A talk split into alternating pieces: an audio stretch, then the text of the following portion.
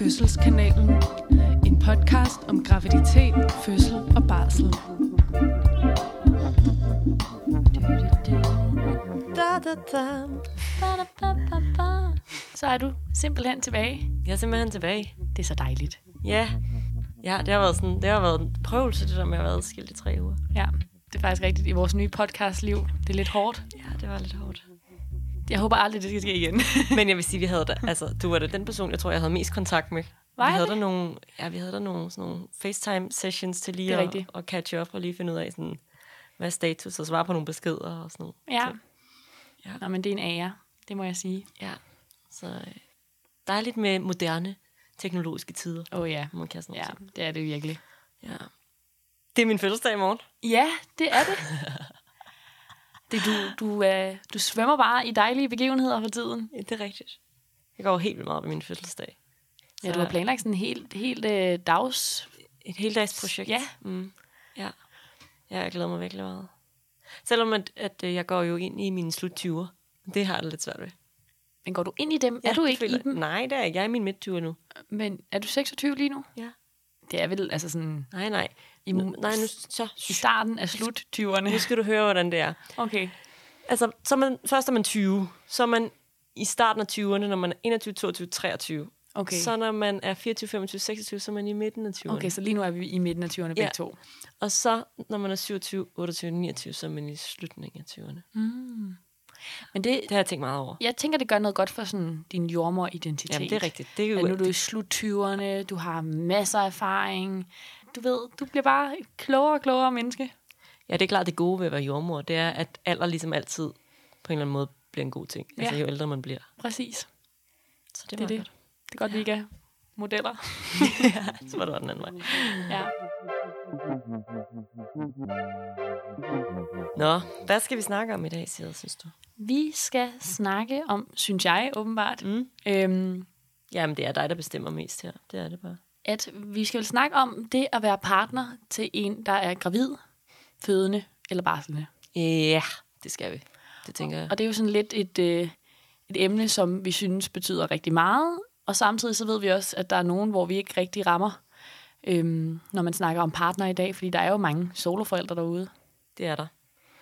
Og, og dem, det er nok et afsnit, der så måske ikke direkte relaterer sig så meget til deres situation. Ja, Ikke at man ikke, der er sikkert nogle ting, som vi sådan kunne føres over på det, hvis man nu vælger at have en, have en fødselshjælper med, i hvert fald mm. under fødslen, øh, og også nogen, der hjælper måske i barselsperioden og sådan ja noget. Ikke? og man har jo nok, altså, man vil nok altid have nogen, som man bruger rigtig meget i så fald, ikke? Som er dem, man vælger også at have med til sin fødsel, eller bare snakke rigtig meget med i, i graviditeten og bruge under barselen også, ikke? Ja.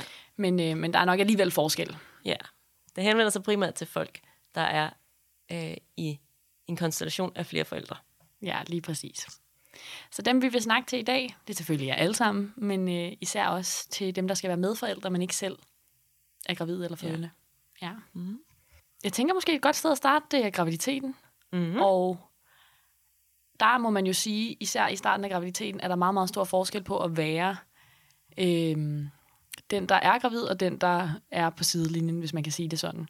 Ja, for det er, jo, det er jo bare den, der er gravid, der på en eller anden måde øh, først bliver konfronteret med det her lille nye liv. Mm. Der kan både være nogle, nogle sådan graviditetsgener i den helt tidlige graviditet, som ligesom gør, at man bliver mindet om, at, man, Ja.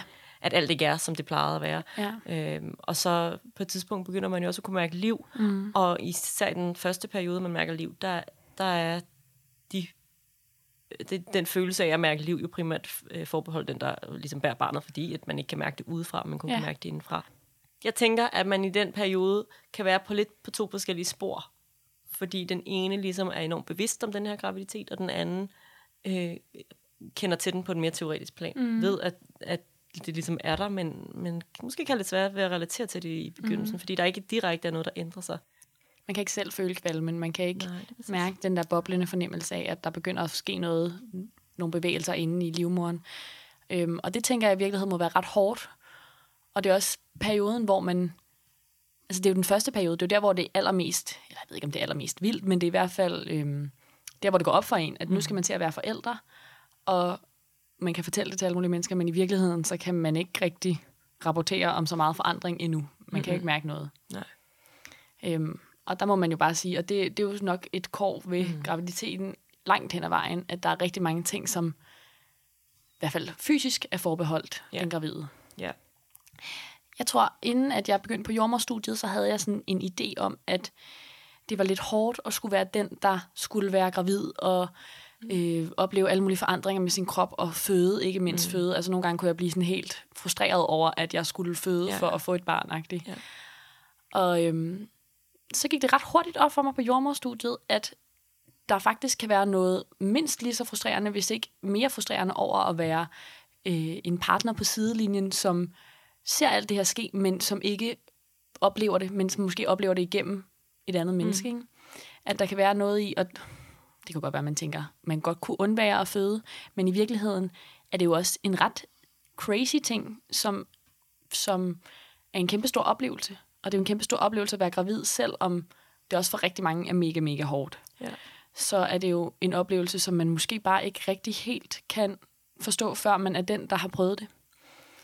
Og øhm, jeg kan huske, der var nogle af vores, om vores medstuderende, der sagde, altså bare sådan noget med at amme, for eksempel. Ikke? Mm. Det er jo hårdt at skulle op midt om natten og amme, men at deres partner kunne blive misundelige over det der med, at bare sidde og tænke sådan, kan vide, hvordan det der egentlig føles, Mm. som du bruger så meget tid med vores barn på. Ikke? Og det samme med bevægelserne inde i maven, mm. og vejerne, og følelsen af et barn, der roterer ned igennem bækkenet. Der er rigtig mange ting, som man kan høre om og få forklaret, Ja, men man bare ikke kan være den, der oplever. Ikke? Ja.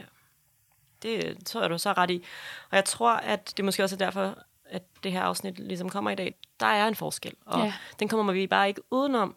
Øh, og det kan både være sådan den ene vej og den anden vej øh, svært. Netop det der med, at det kan også være svært at skulle være den med kvalmen.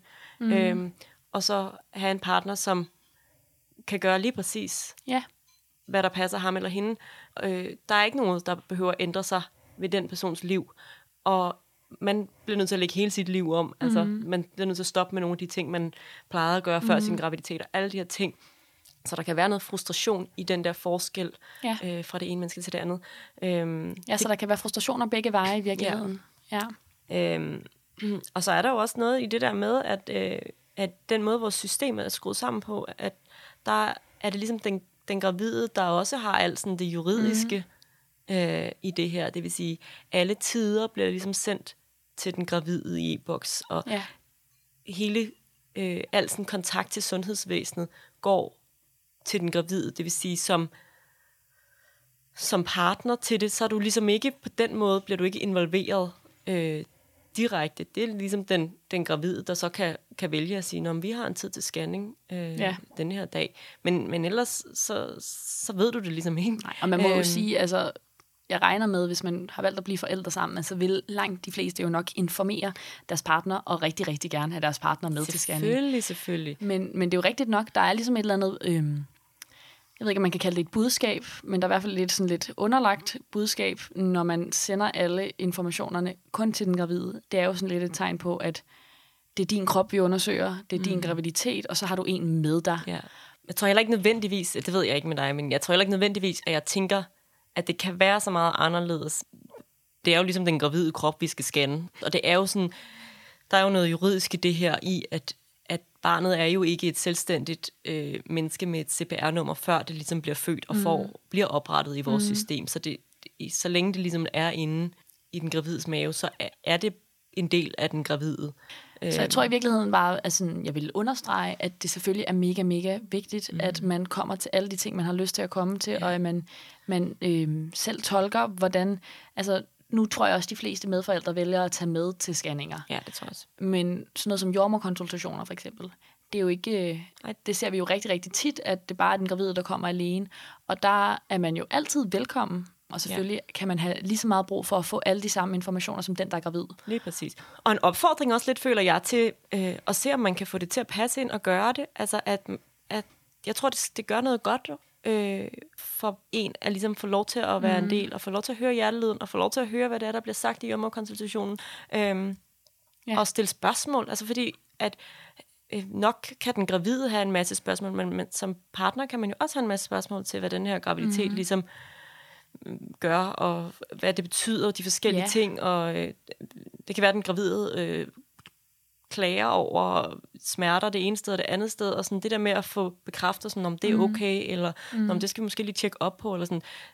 Ja, jeg vil også sige, altså det er selvfølgelig altid godt at være to sæt ører, der hører tingene. Men noget helt andet er, at man jo, der går jo ret lang tid imellem jordmorkonsultationerne, hvor at man jo er derhjemme, snakker om graviditeten, snakker om fødslen, snakker om alle de ting, man ligesom ved skal ske, og de bekymringer, man måske også har. Og når man så kommer ind til de her tider, de her ikke sådan mega mange tider, man har, er der jo en ret stor sandsynlighed for, at man glemmer for det første at spørge om alle de ting, man gerne vil spørge om. Men øhm, måske har man også bare brug for, at der er, at man er et team, der kan høre om alle de her ting sammen. Ja. Så det, det vil jeg sige, stor opfordring, men omvendt, så vil jeg også gerne indrømme, at det jo tit er en lille smule kedeligt at komme til jordmorkonsultation. altså, det, er jo ikke sådan, det er jo ikke så ophidsende, som det, som det måske kunne lyde, hvis man har drømt om at være gravid meget længe, og har glædet sig helt vildt meget til at komme ind og høre hjerteløden, så er der jo også bare en meget, meget stor del af jordmorkonsultationen, som er tjek din urin, få målt dit blodtryk, Ja. øh, så måler vi lige, hvor stor maven er blevet, om den er vokset, og øhm, Og, ja, og det, som er, jeg synes er sådan en stor udfordring ved at være jordmor i en jordmorkonsultation, det er, at vi har ikke så lang tid. Mm. Øh, man kan sige, i forhold til hos lægen, når jeg er til lægen, så bliver jeg altid så imponeret over, at de kan få en ind og ud af døren på 15 minutter. ja, det er imponerende. Der har vi trods alt en halv time, mm. men en halv time er stadig ikke særlig meget øh, tid. Så, så det der med, at man har ikke, man har ikke uanede mængder af tid til bare at snakke og snakke og snakke, og det synes jeg kan være svært som jordmor.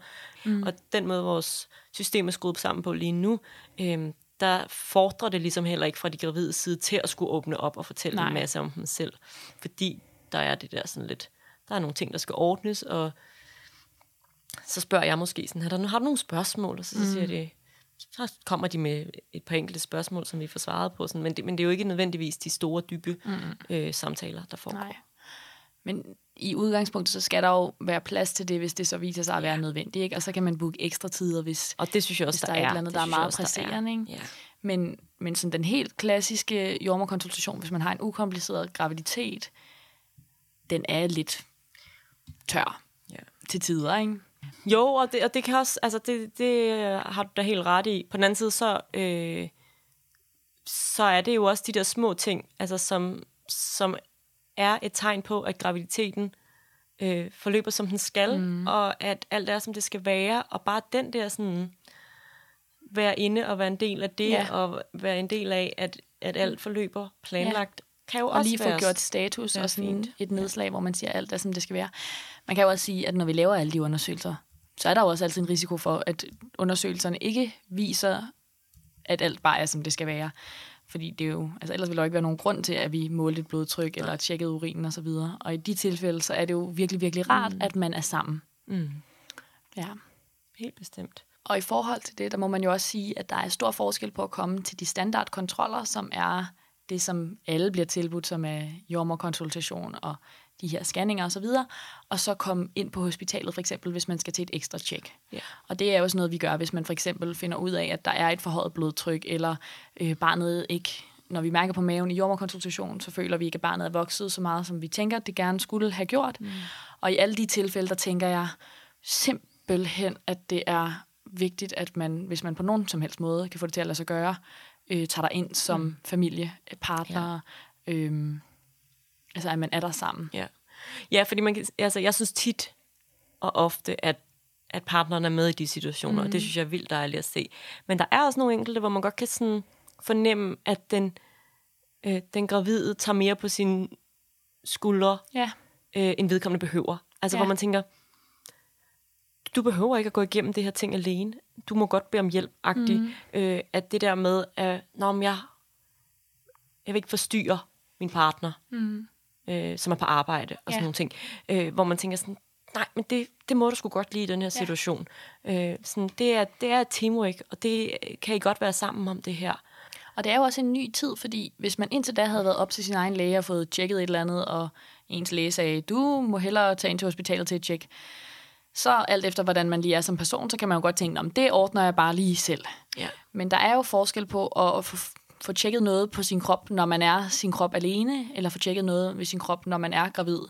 Fordi at der er jo andre, der har interesse i, hvad der ligesom sker med den her graviditet. Ikke?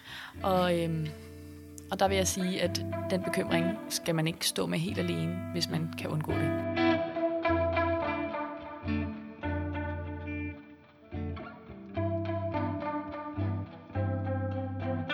Nu vi nærmer os fødsel, eller bare sådan i graviditeten generelt, så ligger der jo hele tiden den her viden om, at man skal stå over for en fødsel på et eller andet tidspunkt.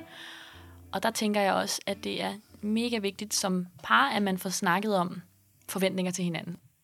Jeg tænker ikke, at man som den, der ikke skal føde, altså som partneren, at man skal bare vide, hvordan man skal servicere, eller hvad man siger, den fødende. Jeg tænker, det handler om at kunne forstå hinandens signaler og mm. øhm, forventninger begge veje, fordi man kan også, øh, nogle gange er det også den fødende, der har svært ved at læse, hvordan partneren har det i situationen. Der kan være alle mulige ting. Altså det kan jo være, hvis man for eksempel ved, at man ikke er særlig glad for blod. Men det behøver heller ikke at være det. Det kan også være, at man ved, og det ved de fleste jo nok godt lidt, at det bliver mega hårdt for en at se en, man elsker, have det, altså have ondt og være helt ude af den. Ikke? Mm. At man skal på en eller anden måde få snakket om, hvordan skal vi være i den her situation sammen? Ja, ja der, der, er helt vildt, der er helt sikkert meget godt at sige om det der med at tale om mm. fødslen, inden den, man lige pludselig står der. Ja. Øhm, også helt klart opfordring til at, at gå til noget fødselsforberedelse. Sammen. Sammen. Altså virkelig prioritere at være sammen om det, fordi der er bare, når den fødende ligesom begynder at forvere, øh, så er det bare så fucking vigtigt at have et menneske ved siden af en, der også ved mm. nogle af de ting, som man måske har brugt en hel graviditet på ligesom at læse op på, eller øh, søge viden om. Så det nytter ikke noget, at, at man som øh, gravid og fødende ved alt, hvad der er værd at vide om emnet, hvis ikke man også har fået inddraget sin partner i det. Ja. Fordi det er i virkeligheden, når man først forvejer, så er man meget i sin, sin krops vold, og så kan man ikke gøre de store forkromede tanker. Øh, og så er det bare rigtig rart at have en støtte i et menneske, som, som også ved nogle af de her ting, mm. og som også har noget af den samme viden, som man måske har, øh, har fået i løbet af sin Ja, graviditet. altså man kan jo næsten sige på mange punkter, at det næsten er vigtigst, at det er den, man har med til ens fødsel, som ved meget om, hvad der skal ske, og hvad det er, man ønsker. Jamen helt sikkert, og jeg har nogle gange tænkt sådan, lad os da i stedet for at bruge så Ja. meget energi på at forberede de fødende på føde, Ja. så lad os bruge en hel masse energi på at forberede dem, der skal, der skal hjælpe til under Ja, fødslen. Fordi præcis. at ja, selvfølgelig er det rigtig godt at, mm. at vide, hvad der, er, der sker i kroppen, og selvfølgelig er det godt at have nogle, sådan nogle smertehåndteringsteknikker, men det er fandme også vigtigt, at den, der står ved siden af, ikke ligner... Øh, sådan noget, der er skræmt for videre sans fra første V, fordi hvordan, hvordan i verden skal man så komme igennem Ja. det? Også fordi, at øhm, der er mange fødende, der forsvinder ind i sådan en fødeboble, hvor at den ene V kommer, man trækker vejret, V'en stopper, man når lige at sådan komme til klarsyn igen, og så kommer den næste V. Ja. Ikke? Så man er ligesom sådan lidt mere en arbejdsmaskine på nogle punkter, hvor at man kan øhm, analysere meget mere på situationen, når man står på sidelinjen. Altså når man, hvis man er den, som ikke selv oplever de her V'er, der bare kommer og kommer og kommer, så kan man tænke rigtig mange ja. tanker og have rigtig mange spørgsmål, og også blive rigtig overvældet af situationen på en anden måde. Ja. Hvor at, øh, jeg synes tit, jeg oplever, at det faktisk er partnerne, der har rigtig, rigtig mange spørgsmål på fødestuen. Jo, men det vil også altid være partneren, der ligesom er, er trygheden. Mm. Altså indbegrebet især i hospitalsfødsler, hvor at det er øh, et rum, man ikke har været i før, og et miljø, man ikke kender til, så er øh, partneren ligesom mm. det element af tryghed, man Ja. kan tage med ind på en fødestue. Og hvis det element af tryghed er bange, øh, så, så bliver det bare sværere, tror jeg, at være den, der skal føde. Hvor at hvis det, den person, der ligesom står ved siden af en, er opmuntrende og opbakkende mm. og engageret, så, så bliver det lidt lettere. Jeg havde den sejeste mm. far forleden dag til en fødsel, som, som bare virkelig var sådan på i forhold til, at når jeg sagde sådan, det kunne måske være en god idé, at hvis, hvis du prøver at komme om på alle fire, så var han sådan, det gør vi skat. Efter næste Ja, V, det så så nice. kommer du om på alle fire. Sådan, så nu er det nu. Sådan, tag den der på Ja. i forhold til, der kan også nogle gange, man kan også nogle gange opleve, at, øh, at partneren i stedet for får sådan lidt medlidenhed med den fødende, mm. og tænker sådan, åh nej, det var da også sundt for dig, at du skal have så ondt. Så at når jeg siger, "Mm, måske kunne det være en idé at komme ind på alle fire, så, så kan man i stedet for opleve sådan en, uh, hun er altså rigtig træt, Ja. eller sådan, det er, også, det er også rigtig hårdt for hende Ja. lige nu, og sådan, hvor man tænker sådan, det kan jeg vildt godt forstå. Jeg kan så godt forstå, at det er svært for dig at se det her. og se på, at hun har rigtig ondt. Men, men vi skal jo videre. Ja. Og der er ikke noget, øh, der er ikke noget, der er forkert i den her situation. Det er ikke, der, er ikke, der er ikke en baby, der har det dårligt, eller Nej. en mor, der er syg. Der, er- der er en fødsel. Ja. Og det er normalt, det her. Ja. Alt, hvad der sker normalt. Så vi skal, vi skal have en god, en god energi frem. Det tænker jeg er en seriøst vigtig pointe, hvis ikke nærmest noget af det vigtigste, vi kommer til at sige i den her podcast, det er, at øhm, det vi gør som jordmødre, det er jo for at fremme fødslen, og der kan være mange øhm, tanker bag. Det kan både være noget, der skal lindre, altså noget, der gør det nemmere for den fødende at være ja. igennem en stilling, som gør det nemmere, men rigtig mange af de ting, vi gør, er jo også for at fremme fødslens gang. Så når du for eksempel siger det her med at skifte stilling, det er jo rigtig tit vores bagtanke, at der skal være noget bevægelse i bækkenet, sådan så barnet kan rotere ned, fordi vi tænker, nu mere smooth den her fødsel kommer til at forløbe, nu bedre en oplevelse bliver det for det her par, at der ligesom er fremgang hele tiden, og man nærmer sig fødselstidspunktet. Og det kan faktisk være rigtig, rigtig hårdt som jordmor, men også som fødende og som partner, at være i en situation, hvor at hver gang vi foreslår, hey, lad os lige prøve at skifte stilling, eller måske kunne det være, at du skulle ud og lige prøve at tisse, og lige få tømt lidt ud, sådan, så der er plads til et barn, at der står en partner, som tænker, uh, er du sikker på, at hun kan det? Ja. Hun har virkelig, hun har det ikke så godt, og hun kan bedst lige at ligge på, i, i sidelejer, ellers så har hun det, ellers så får hun rigtig, rigtig ondt, og hun har også været i gang i mange timer, hvor at det skaber ligesom en stemning af, at, øhm, at det her, det er for meget. Ja. Hvor at hvis der er en partner, som siger, ja, skide god idé, og lad os gøre det, og sådan opmuntre, så bliver der sådan en, en god, jeg vil ikke kalde det arbejdsmoral, men også bare sådan en god øh, tryghedsstemning af, at det her, det er, der er formål med alt, hvad vi gør. Mm. Øhm, vi nærmer os mere og mere det her fødselstidspunkt, hvor I sammen skal møde jeres barn, og der er ikke noget farligt. Mm. Og det er bare... Det er virkelig to meget, meget forskellige stemninger, og jeg kan forstå begge dele. Ja. Det er ikke sådan, at jeg ikke forstår de partnere, som... Det er jo også med den bedste intention overhovedet, at man mm. siger, åh, oh, jeg tror altså ikke, hun kan overskue at gå ud og tisse lige nu. Det er jo, fordi man tænker, det er, fordi man tænker, det er for meget for hende, ikke? Øhm, men det er ikke nødvendigvis den bedste hjælp. Nej, og, nej. Ja. Øhm, og, jeg, og jeg tror, igen det der, du sagde det lige kort, øh, det der med fokus er ligesom alfa og omega, så hvis man vælger at fokusere på de timer, der har været V'er for eksempel. Mm. Nu har du haft V'er i 22 timer, eller mm. nu, åh, og nu har du haft V'er i 27 timer. Altså, man kan sige sådan, det kommer ikke til at gå hurtigere af Nej. den grund. Hvor at, at det der med at sige sådan, det, du gør det pissegodt, skat, mm. og i hvor det går, og sådan, Og du nogle, nogle kommer gange, tættere på, og ja, nogle gange, når man har haft de der partner, som har været sådan der, ej, hvor er det godt, at det, Ja. og det går så godt fremad, og sådan hele den der det. opfordring, det, altså jeg kan som jordmor blive sådan helt høj, og sådan tænke, du gør alt det rigtige, jeg Ja. behøver jo nærmest ikke at være Nej. her. Og det Øhm, præger jo fødslen helt gevaldigt. Altså, der er jo Ja. meget, meget stor forskel på den stemning, der er på en fødestue, alt efter hvordan øhm, partneren mm. håndterer den her fødsel. Ja. Og jeg synes virkelig, det, der, det er et klassisk eksempel. Jeg tror, der er rigtig, rigtig, rigtig, rigtig mange partnere, der kommer til at gøre det der på et tidspunkt, hvor de siger, når der kommer en ny jordmor for eksempel, eller hvis der bare er et tidspunkt, hvor det er sådan lidt ekstra hårdt, siger, vi har også været i gang i mm. 17 timer, ja. og hvor man tænker, hvad er konklusionen helt præcis med det her? Altså, ja, I har været i gang i 17 timer, men I er også hele tiden kommet tættere og tættere på. Altså, mm. man kunne også have mindsetet, som var, vi har klaret 17 timer, Ja. nu er der kun Ja. et eller andet andet tal tilbage, som er mindre, ja. Fordi vi har klaret 17 timer, ja. ikke? Ja. Og, jeg, og jeg håber ikke, at det her kommer til at lyde som om, at vi sådan ikke forstår elementet i, at 17 timer eller 27 timer er lang tid at Jeg have også, ondt. jeg, jeg tror, de fleste partnere tænker det under alle omstændigheder. Ja. Så spørgsmålet, om man skal sige det højt. Ja. Jeg tror også bare, det er en opfordring til at tænke over, hvad man ligesom byder ind med Ja. i løbet af en fødsel, og hvad ens øh, måde at tale til den fødende, eller være på i rummet, kan gøre for en fødsel. Mm. Øhm, og så i forhold til det der med tid, og at fødsler kan tage lang tid, så det er jo, det er jo helt rigtigt.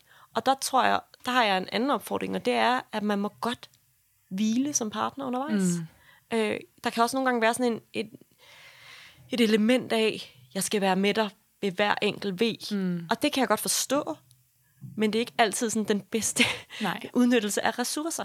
Nej. At nogle gange, især om natten, hvis man, hvis man ligesom er på en fødestue om natten, så kan det godt give mening, at man som, som partner eller fødselshjælper øh, lige tager et powernap, mm. og det ikke er sådan af disrespect til den fødende, men det simpelthen er for at, at have noget overskud at give mm. af. Og så kan vi som jordmødre godt sidde og være der og holde i hånden og trække vejret og ligesom øh, være substitut for, for partneren øh, igennem en time eller ja. hvor lang tid det nu giver mening. Ja. Øhm. Fordi man må sige, når man arbejder i mange timer, som langt de fleste, der føder, gør, det er jo svært at holde sig vågen, hvis man ikke er den, der har vejer. Altså, fordi vejerne holder jo en automatisk vågen. Ja. Hvor at, hvis du sidder på sidelinjen, og det er jo på sin vis også lidt flabet at sige, fordi at det er jo ikke, fordi det er nicer at blive holdt vågen af vejer, men hvis du ikke får vejer hver anden, tredje, fjerde minut, så er det altså også virkelig hårdt at holde, bare, altså bare det at holde øjnene åbne. Ja. Og så kan det jo være, at man bare bliver en dårligere og dårligere og dårligere støtte. Mm. Det er jo meget naturligt at gøre det, fordi det er så mega hårdt. Mm. Og hvis man bare lige får 20 minutter eller en times mm. powernap, så, øh, så kan det altså være en rigtig god investering. Ja, det kan virkelig gøre underværker, for jeg oplever tit, når jeg siger det, øh, og det er jo selvfølgelig ikke i de der fødsler, hvor, det går, hvor der hele tiden sker noget, det går helt vildt hurtigt, mm. men i mm. de der fødsler, der er en lille smule mere langtrukne, mm. og jeg siger sådan, det, kunne, det, kan, det kan være en fin idé lige at tage, tage en lur. Og når jeg ligesom foreslår det, så kan jeg godt sådan se, at folk bliver sådan lidt, de sådan griner lidt sådan akavet, og tænker ja. sådan, ah, det tror jeg, det tror jeg ikke er en god idé, tror du det? Det er faktisk hvor, ret tit partnerne, der er sådan, at det har jeg ikke brug for, og så er der en fødende, der siger, det ja. må du gerne, skat, eller sådan. Ja. Det har jeg også sagt mange gange. Ja. Ikke? Øhm, ja. Og det tænker jeg, øh, det tænker jeg i hvert fald ikke, man skal være, man skal ikke være bekymret for det der med at lige også at tage en pause. Nej. Øh, så, så har der også selvfølgelig også dem der, som, skal, hvor man kan, hvor man kan sige, sige. Vi har, jeg har da haft nogle enkelte, hvor, hvor at, øh, at man måske kommer til at være i byen, for eksempel den øh, dag, hvor ens kæreste ender med at gå i fødsel, ja. og hvor man ender med at sove en brænder du Jeg synes, du siger det på en, en meget fin måde. Man kommer til at være i byen. Det kan jo bare ske. Din kæreste er højere ved, men, men det skete ligesom bare. øhm, ah, men der er der de der, det, det er jo blandt andet ja. sådan noget med øh, fodbold, øh, hvis der er sådan noget VM eller sådan noget, ja. så har man været til, til en eller anden øh, fodboldkamp med sine venner og kommer til at drikke lidt for mange øl, ja. og så ender ens kæreste med at forvere, og så er man rigtig, rigtig træt. Ja. Og det, det sker, og det er selvfølgelig måske lidt uheldigt. og så kan det godt være, det er mere end bare en time. Det er en meget sød måde, du siger det på. at man ender med at ligge der. Og det er måske mindre heldigt, for der ja. kan godt være ens kæreste synes, at det er lidt træls. Ja. Jeg vil også sige, der er jo også dem, som ikke har været i byen, som har bare lagt sig og sovet i rigtig mange timer, uden at jeg synes, der var nogen sådan rigtig god grund til det. Så der er jo et naturligt leje. og, øh, og det skal jo være, jeg tænker, det skal jo være for, øhm, for at lade op til at kunne ja. være en støtte igen. Det skal ikke bare være en flugt, eller hvad man siger. Nej, det skal være sådan for the, for the greater good. Ja. Altså en overordnet idé om, at, at en, en, et powernap vil gøre noget godt Præcis. for den fælles indsats. Ja. Jeg har også haft en, en ret spacey oplevelse for nylig, synes jeg selv, hvor at, øhm, at de havde en ven, en ven med, som ligesom faktisk ikke skulle være forældre til det her barn, men han var ligesom bare bekendt. Og han lå faktisk bare inde på fødestuen og sov i altså, syv timer. Og så, øh, altså det var, jeg kan ikke rigtig komme med nogen god forklaring på hans tilstedeværelse. Han sov i syv timer, og så, da hun skulle til at føde, så gik han lige ud i fødselsøjeblikket, og så kom han tilbage, så barnet, og så smuttede han. Og der var jeg sådan, hvorfor har du været her? Altså sådan, det, det er måske ikke den, den store støtte. Nej, og der tror jeg øh, faktisk lige, at vi kort kan runde det der med øh, fødselshjælpere generelt. Ja. Altså, vurdering af, hvem vil man gerne have med til sin fødsel. Ja. Det kan være en god idé at tage lige sådan, give en ekstra tanke i løbet af graviditeten. Og man kan sige, vi har ikke noget antal på, hvor mange man må være inde på en fødestue. Nej. Man kan være lige så mange man vil. Nogle synes, det er rart at have øh, sin mor med også, ud over partneren. Mm. Nogle synes faktisk, og det kan vi også godt snakke lidt om, ikke at partneren skal være med. Og nogle, ja. hvor, der er også nogle, hvor partneren ikke har så meget lyst til at være med. Ja. Og hvis man ligesom i fællesskab finder frem til, at det er bedst ikke at have sin partner med, så er det jo også helt fair. Ja. Øhm, men, men i forhold til, hvem man vælger at tage med, så kan det være en god idé lige at få snakket med de mennesker. Mm. Fordi nogle gange, så er der også en svigermor, som tænker, at det kunne være fedt at være med. Der er også nogle fødende, som tænker, at det kunne være fedt at have svigermor og med. Og det er der også, og det må man også gerne. Ja. Der er også nogen, hvor øh, faren Ja. til den fødende, synes, at det kunne være rigtig sjovt at være med, hvor den fødende ikke synes, det kunne være... Altså, der er rigtig Ja. mange konstellationer, og i virkeligheden er det bare en opfordring til de mennesker, som ligesom tror eller tænker, at de gerne vil være til stede på fødestuen. Find ud af, om du også mm. synes, det kunne være fedt, at de er til stede. Og hvis du synes det, the more the merrier. Ja. Hvis du ikke synes det, så sørg lige for at få sagt fra, fordi Ja. det kan altså være nogle... Det, det, det er bare ikke fedt at skulle forholde sig til et eller andet menneske, som egentlig ikke synes er fedt at have med. Og der er jo også, altså, jeg har også været til nogle mega nice fødsler, hvor der har været rigtig mange familiemedlemmer Ja. med. Altså, jeg har været til en fødsel, hvor at der var øh, dem, der skulle være forældre, og så var der øhm, hende, der fødtes to søstre, og de to børn, de havde i forvejen, og bedstemoren, og så kom bedstefaren senere, og det var mega fedt. Ja. Men de var også øh, rigtig forberedt, og de havde jo så også valgt at tage deres børn med, hvilket øh, jeg ikke har oplevet så mange gange, og jeg har oplevet det nogle gange, hvor det heller ikke har været så heldigt, hvor der har været nogle lidt skræmte børn. Ja. Men de havde så brugt rigtig, rigtig mange måneder på at snakke med deres børn, som også var lidt ældre, om blod, det er normalt under en fødsel, mm. og når øh, mor, hun ser sådan her ud, så er det ikke fordi, at der er noget galt, så er det fordi, at det går, som det skal, og sådan en rigtig velforberedt familie, mm. og det var mega nice. Ja, ja og, det, og det er lige præcis det, så der er ikke nogen opskrift på, hvad er godt og hvad er mm. dårligt. Det er, der er bare det, at det kan være fedt lige at have snakket om det inden. Ja. Der er ligesom ikke nogen mennesker, som ikke må være der, og som ikke nødvendigvis hører til derinde. Det er helt op til, op til den, der føder, og Ja. selvfølgelig også partneren, Præcis. og vurderer, hvad er fedt og hvad ja. er Ja. ikke fedt. Og der tænker jeg, at du, du også siger noget godt der ved at sige partneren, fordi øhm, er man et par, der skal have det her barn sammen, så kan det også, tror jeg, nogle gange være overvældende for partneren, hvis der er mange mennesker med.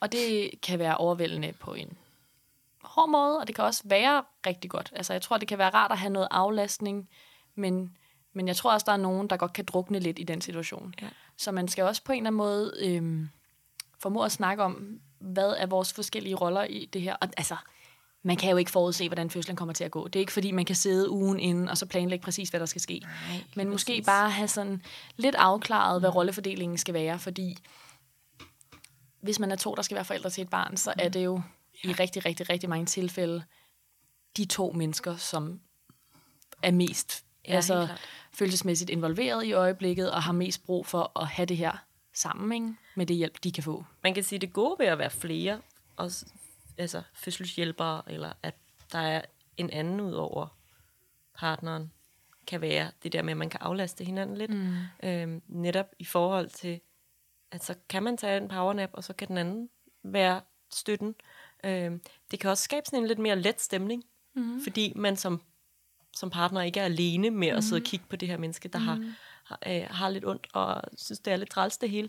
Øh, og at man kan, kan skabe sådan en lethed i, øh, på fødestuen Ja. ved at være to, der ligesom kan, kan snakke og Ja. kan... Ja, Det er jo, jeg tænker også, det er lidt ligesom, hvis man får taget nogle puder med hjemmefra, og noget musik med hjemmefra, at hvis man har nogle mennesker med hjemmefra, så har man ligesom mere en fornemmelse af, at det her det er vores oplevelse. Mm. Vi har kontrol over den her situation. At nu mere man sådan gør det her til en, en tryg oplevelse, nu bedre en oplevelse bliver det også. Og en tryg oplevelse kan godt være, vi to er et teamwork, og det er os, der gør det her sammen, fordi vi er bare mega gode til at hjælpe hinanden, men en tryg oplevelse kan også være, vi har tilfældigvis en super nice familie, eller nogle mega Ja. nice venner, og lad os tage dem med og få det hjælp, vi kan. Ikke? Mm. Øhm, så det tænker jeg også kan give Ja. rigtig god mening. største opfordring er nok bare at snakke om det i Ja. virkeligheden. Og Yes. vurdere, hvad der, hvad der passer Ja, til jer som familie. præcis. Så er der jo det øjeblik, hvor barnet bliver født, ja. som jeg også tænker, vi godt lige kan vinde. Øh, og der, der er det jo igen også et sted, hvor oplevelsen som den fødende og oplevelsen som partner kan være ret forskellige. Mm. Og, øh, og en ting, jeg altid synes er relevant at sige, det er, at lige når barnets hoved bliver født, så, øh, så kan der godt gå noget tid fra barnets hoved er født til barnet er født. Mm. Og det kan godt se sådan lidt syret ud. Øhm, barnet kan også godt være ret blåt i Ja. ansigtet. Og det kan man godt tænke sådan, åh gud. Ja, Og det kan barnet altså godt holde til. ja, Det, det er meningen. Så der er ikke noget at være bekymret for. nej. Øhm, en anden ting, som, man også, som også tit er noget, jeg føler folk bliver sådan lidt bange over, det er, at det første minut øh, efter barnet er født, der, der behøver det altså ikke at trække vejret, mm-hmm. eller skrige, eller Og et minut er ret lang tid. blive lyserødt. Det har faktisk et minut, hvor det godt må være lidt blåligt i mm. huden, og godt må bare ligge og lige finde ud af, at det er kommet til verden. Øhm, og, og netop det, som du siger, det er ret lang tid. Mm. Men bare så man ved, at det er normalt, og, og, øh, og vi altså, er der jo lige ved siden af og holder øje med, mm. om det er normalt. Og hvis vi på et tidspunkt tænker, at det ikke er normalt, så gør vi jo selvfølgelig noget. Men, Ja. men jeg tror at tit, folk oplever, at vi er sådan passive, fordi at vi jo ved, at det er ligesom det skal være, mm. men at det ikke er altid, at man som par ved, mm. at det er ligesom det skal være. Eller som familie ved, at det er Og ligesom der, det skal være. ja, og der tror jeg også, man kan opleve som partner, at den, der har født, er bare sådan lykkelig Ja. over, at nu er det her overstået. Og sådan den der lettelse af, at barnet er ude, og lægger måske ikke helt lige så hurtigt mærke til, at, øhm, at den baby, man har fået op på maven, er lidt blålig og ikke trækker vejret endnu. Hvor man som partner kan stå ved siden af og tænke, hvorfor trækker han ikke vejret? Ja. Og, og det oplever vi jo rigtig tit som jordmødre, at, øhm, at dem, der er med, som ikke er dem, der har født, spørger, er det okay, og er han okay, eller er hun okay, og hvorfor, hvorfor skriger hun ikke, eller et eller andet, hvor vi er sådan, ja, det er okay. Og det, det synes jeg ikke så tit. Ja. Nogle gange er det også den fødende, men jeg synes ikke så tit, det er den fødende, der har den oplevelse, fordi man bare tænker, huh, yes. Ja. ja. Så det er to forskellige oplevelser af den situation. ja. Og måske en lille tilføjelse, man også kan lave her, det er børnenes hovedform. Så mm, hvis de bliver ja. født vaginalt, tit er sådan lidt... Øh, har en bule, eller sådan lidt aflangt bagud, fordi at kraniet kan tage form efter fødselskanalen, og det er mega smart, men det kan også se freaky ud, hvis man ikke er forberedt. Ja. At man lige øh, tænker, øh, hvorfor har mit barn den her mærkelige hovedform, kan vide, om det fejler et eller andet helt Ja. syret. Og kan vide, om det nogensinde bliver normalt. Ja, og der skal man bare, hvis man ved det på forhånd, tænke, huh, det er helt okay. Ja. Det barn er lavet så godt, at det lige kunne forme sit hoved, sådan, så det rent faktisk kunne blive født. Mm, Og det, og det falder ned i løbet af ja. nogle dage. Ikke? Så øhm, det skal Ja. man helst ikke lade præge sit allerførste møde med sit barn. Så det er dejligt, hvis man ved det. Ja. Ja. Til gengæld, hvad siger du så til, at vi lige laver sådan en brainstorm over, hvad, hvad kan man egentlig Ja, gøre som partner Ja. på en fødestue? Eller som partnere, for der er jo også, flere, altså, der er jo også nogle konstellationer, hvor man er flere end bare to. Ja. Øhm, så man kan jo også godt være, være en familie på, på tre personer, som ligesom mm-hmm. skal være forældre til det her mm-hmm. barn. Øhm, men hvad kan man så gøre som dem, ja. Der skal hjælpe? Hvis vi bare skal skabe sådan lidt billeder i... Øh, Ja, i folks hoveder, og også Ja. sådan lidt inspiration til sådan... For nogle gange tror jeg måske også godt, man kan tænke, jeg vil rigtig gerne hjælpe, jeg aner bare ikke, hvad jeg skal Mhm. gøre. Men det synes jeg er en skide god idé, og jeg tænker også, at mange af tingene kan man jo også gøre derhjemme. Så øh, det er jo også gode tips til opstartsfasen. Ja, yeah. Helt umiddelbart, så min første tanke, det er selvfølgelig øh, at snakke sammen og støtte sådan helt verbalt. Mm. Og øh, opmuntre. ja.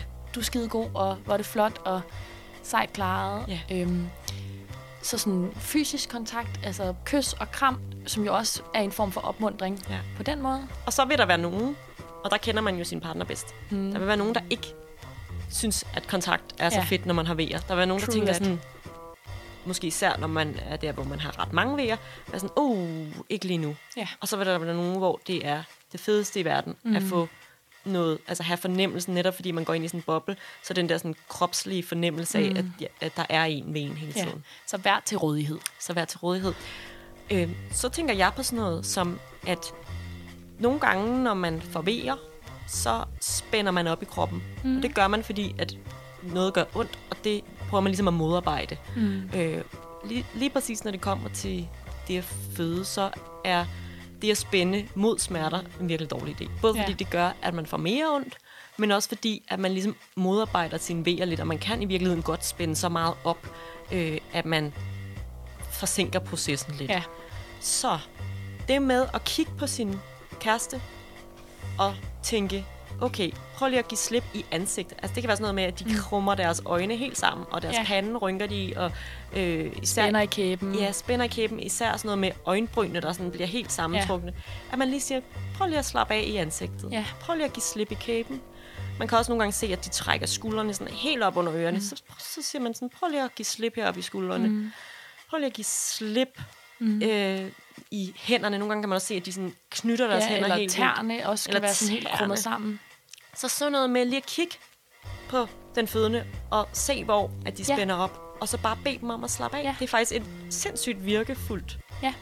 middel. Det er jo noget, vi gør rigtig meget. Et virkefuldt virkemiddel. Effektfuldt virkemiddel. Skide godt. Men det er jo også sådan noget, som vi, det har vi jo meget træning i, fordi vi er med til mange fødsler. Ja. Og det vil man høre jordmoren sige, mm. sandsynligvis. Men øh, tag det på jer og gør ja. det selv.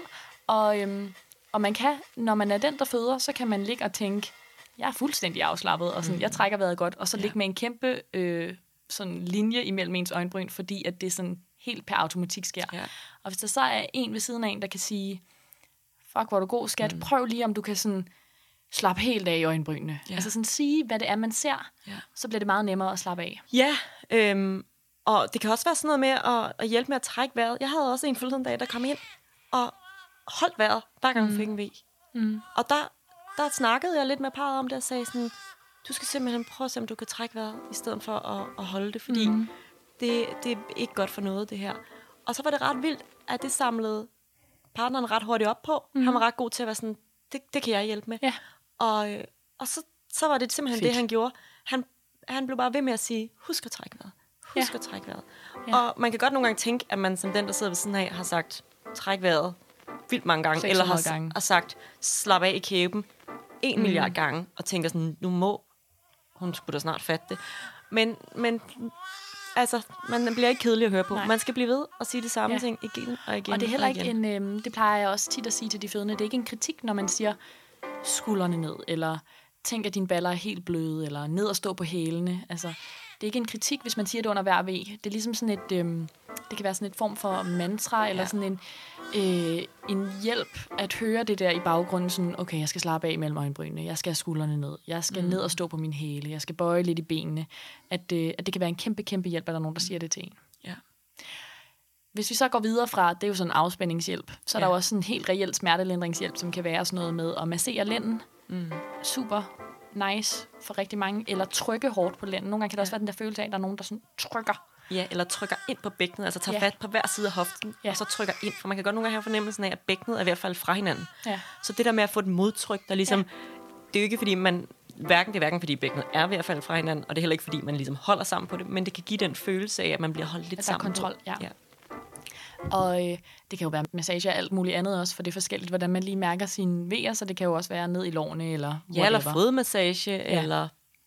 Og så kan det være sådan noget med at hjælpe med noget varme, for eksempel hvis man har nogle varmepuder derhjemme, varme dem til sin kæreste, eller øhm, få fundet en plastikstol og sat ind under bruseren, sådan så man kan som fødende sidde under bruseren og bare køre en masse varmt vand ud over kroppen. Det er også sådan noget, som det kan være fuldstændig uoverskueligt, når man er den, der skal til at føde, at få ideen eller få udført det, hvis man nu ligger i en stilling, som man lige har fundet ud af fungerer for en på sengen, men man ikke rigtig kan komme videre, og man faktisk har lidt ondt, så kan det være en hjælp, at der ligesom er en, der tager teten og siger, nu hjælper jeg dig ud under bruseren. Altså sådan, Ja, og sådan noget med at holde bruseren kan i virkeligheden ja. også være, så man kan, kan Ja.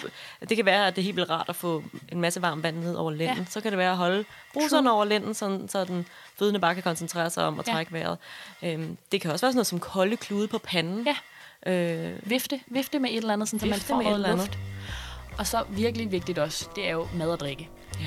Fordi der kan være, når man er derhjemme, så kan det være svært at få overskud og få spist og drukket noget, men også inde på hospitalet kan der være jordmorskift, som gør, at der ikke er helt sådan overblik over, hvornår har øh, den fødende sidst fået noget at drikke eller et eller andet. Mm. Så bare sørg for at have et eller andet med og tilbyde det, og nogle gange så kan man spørge den fødende, vil du have noget at drikke? Og så får man lidt nej. Men hvis man står med et glas saft lige, under, ja, lige under deres mund og siger, nu synes jeg, du skal drikke noget, skat, så kan det være, at de faktisk måske godt kan overskue det. Men der er mange ting, som det er ligesom uoverskueligt at komme fra tanke til, til handling, når man er den, der føder. Og hvis man så sørger for alle de der ting rundt om, hvis man ligesom sådan hjælper, så øh, gør det en kæmpe forskel. Ja. Øhm, og igen, det der med at have snakket om de ting inden os. Ja. Hvad, det er ikke nødvendigvis sikkert, at man som fødende ved, hvad ens behov er, men måske har man en idé. Måske har man en idé om, at øh, der er noget, der vil være godt, eller noget, der ikke vil være godt. Mm. Øhm, det kan også være sådan noget med lige at få øvet det der med at massere en lænd. Mm. Øh, at man, det kan være vildt svært i situationen. Der har man en fødende, som er ret god til at sige, når tingene ikke er, er godt. Ja, det er de gode til. Så sådan, en, der har, har ondt, siger, det er forkert det der, eller sådan, du gør det, du gør det ikke ordentligt. Øh, og der kan det nogle gange være rart lige at have gjort det ja. I graviditeten. Lige mærket sådan, uh, du trykker sådan lidt for blødt, eller sådan, Mm. du skal måske lige bevæge dig en lille smule rundt, eller det her er rigtig rart. Ja. Sådan så, at når man står i situationen, at den fødende ikke bare får sagt sådan, du gør det forkert, og så, ja. Ja. så giver man op på det lille massage. Og jeg vil sige, når man er, hvis man er et kærestepar for eksempel, eller gift, eller whatever, man kender jo sin partner meget, meget bedre, end jordmoren gør. Mm. Og det betyder, at der er rigtig mange ting, som vi er gode til, fordi vi er meget i fødsler, men der er også rigtig, rigtig mange ting, som vi ikke nødvendigvis hverken kan læse, hvis den fødende ligesom giver et eller andet signal, eller ved på forhånd. Så man ved måske allerede meget mere om den fødendes krop, ja. end, det, end jordmoren gør, så man har bedre forudsætninger.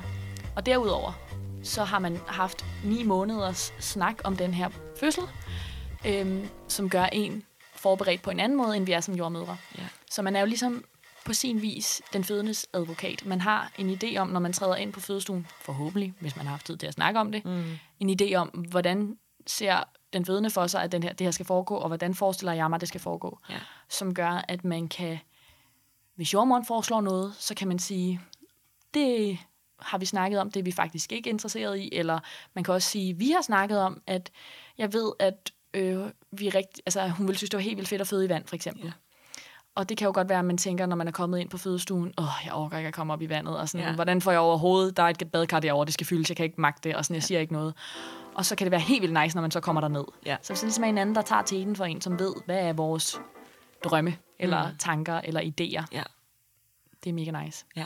Så være sådan lidt øh, advokaten, og også, nu fortsætter jeg bare min ekstremt lange ordstrøm her, øhm, også nogle gange være den, der har overblikket over sådan nogle helt praktiske ting. Og det kan være sådan noget som at, at køre i bilen ind på hospitalet, eller holde øje med, hvor langt der er imellem vejerne, når man er derhjemme.